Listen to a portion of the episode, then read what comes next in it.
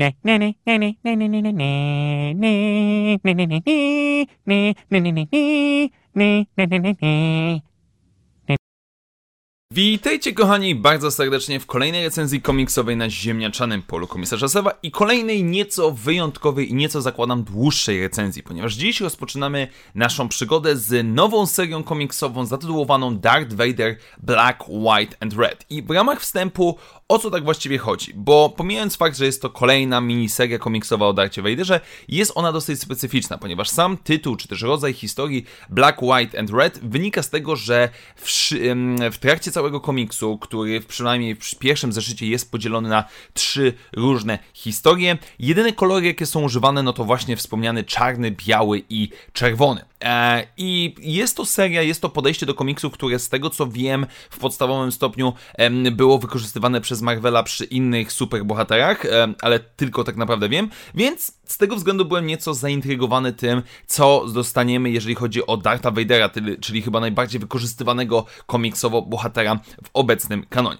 Tak więc dziś dostajemy trzy historie, z czego dwie z nich są zamknięte, natomiast jedna rozpoczyna nam się w tym momencie. I pierwszą z nich jest e, Hard Shutdown Part 1, która z jednej strony jest pisana przez Jasona Arona, a z drugiej strony rysowana przez Leonarda Kirka.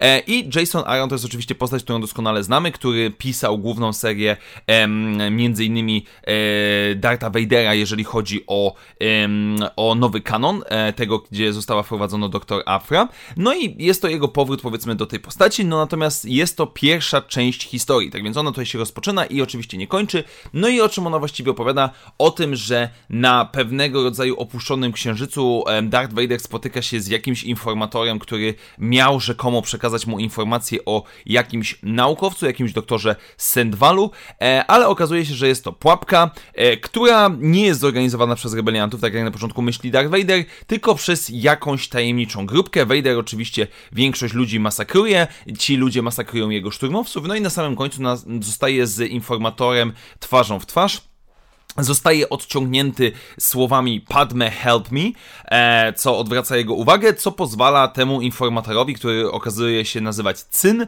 e, zainstalować coś w jego ręce, znaczy się w ręce Vadera, które odpalone całkowicie robi shutdown, czyli zamyka, wyłącza wszystkie systemy związane z Darthem Vaderem i mamy pokazaną informację, że no przygotujcie tam powiedzmy narzędzia, bo zaraz sprzęt do was przyleci i bądźcie gotowi na dużo piłowania.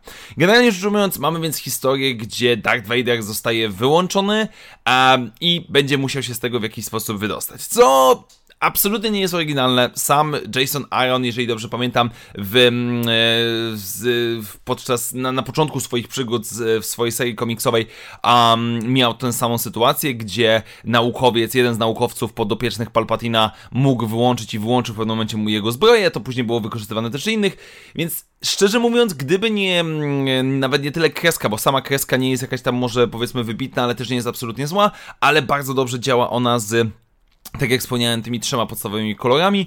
Gdyby nie to, dostajemy tak naprawdę zwykłą, standardową historię, która w żaden sposób a nie jest moim zdaniem wyjątkowa i no jakoś specjalnie nie czekam na jej dalszy ciąg. Natomiast jednak druga, e, druga historia, która nazywa się Inesca Inescapable, e, została narysowana i tutaj dosłownie używam tego określenia, narysowana przez Peach Momoko, która do tej pory tworzyła różnego rodzaju alternatywne okładki do różnych zeszytów gwiezdnowojennych, natomiast tutaj tworzy swoją własną historię. I mogę ją tylko co najwyżej ogólnie opowiedzieć, ponieważ nie padają tutaj żadne dialogi, żadne kwestie. Mamy tutaj historię. Mamy tutaj pokazaną historię dziewczynki, dziewczyny, młodej kobiety, która wspomina i która jest ścigana przez wspomnienie. Vadera, która, który tutaj jest pokazany w bardzo kościotrupowaty, straszny, przerażający sposób, który nieważne jak daleko ona próbuje uciec, on cały czas jest za nią, którego nie da się zabić, który prędzej czy później dorwie ją ze wszystkich sił i dosłownie rozpuści w swoim mieczu świetlnym. Natomiast kiedy to wszystko okazuje się być snem, e, zdaje sobie ona sprawę, że cały czas jest obserwowana przez TIE, Fightera, który jest latającą gałką oczną, co zakładam jest jakąś alegorią wiecznie obserwującego systemu totalitarnego, jakim jest Imperium. Generalnie rzecz ujmując, nie jest to komiks, który jest do opowiadania, jest to komiks, który moim zdaniem należy obejrzeć, z którym należy się zapoznać, bo rzeczywiście jest... Mm, z jednej strony odświeżający, że po prostu mamy, nie mamy dialogów, mamy tylko i wyłącznie grafikę. Jest przyjemny jak najbardziej fakt tego, że um, Vader jest tutaj przerażający i jest to dosyć brutalny komiks. Jakby no, no rzadko kiedy w Gwiezdnych Wojnach widzimy palone ciało, można by powiedzieć kobiety, czy, czy też jakieś psychodoliczne połączenia maszyn i ciał ludzkich. Więc tu jak najbardziej na plus przyjemna, przyjemna odmiana. Natomiast na samym końcu dostajemy Dissolution of Hope, czyli historię lokalnego ruchu oporu, który próbuje dokonać pewnego rodzaju sabotażu na okupowanej przez Imperium planecie. Mamy oddział rebeliancki, który składa się z nerwowego technika, oraz grupki żołnierzy, którzy są gotowi zginąć, e, bo jakby do tego zostali jakby wyszkoleni i przygotowani, no i przebijają się oni przez całą bazę, żeby e, wyłączyć, czy też powiedzmy unieruchomić na chwilę blokadę jakiegoś tam systemu.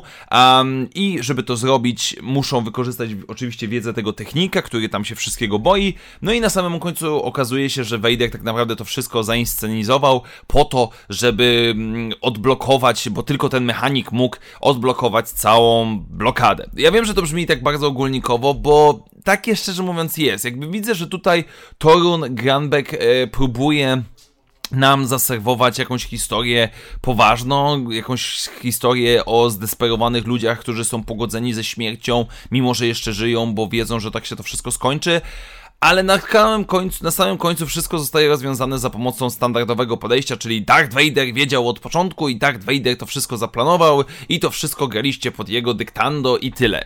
Przez co, no jest to kolejna historia z Darthem Vaderem, który oszukał swoich przeciwników, bo jest Darthem Vaderem, do tego mamy jakichś tam tchórzliwych imperialnych, zdesperowanych rebeliantów, wszystko to polane takim mrocznym sosem, który, no znów, nawet przyjemnie się to ogląda, nawet przyjemnie się rys- widzi te rysunki, gdzie mamy tylko tą biel, czerń i e, czerwony, ale generalnie rzecz ujmując, absolutnie bez szału. Przez co pierwszy zeszyt um, Dartha Vadera Black, White, Black, White, Red no nie, nie zachwyca. Jakby okej, okay, e, środkowa historia bez dialogów jak najbardziej na plus, ale dwie pozostałe to jak na razie coś, co dostaliśmy już nie raz, nie dwa z Darthem Vaderem i jest to najzwyczajniej w świecie moim zdaniem trochę nudne.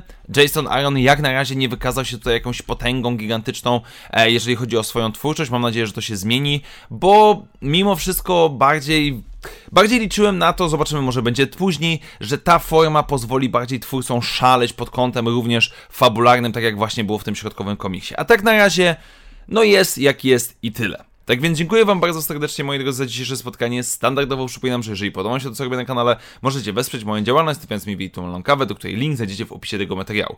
Jeszcze raz wielkie dzięki, do zobaczenia wkrótce i jak zawsze, niech moc będzie z Wami. Na razie, cześć!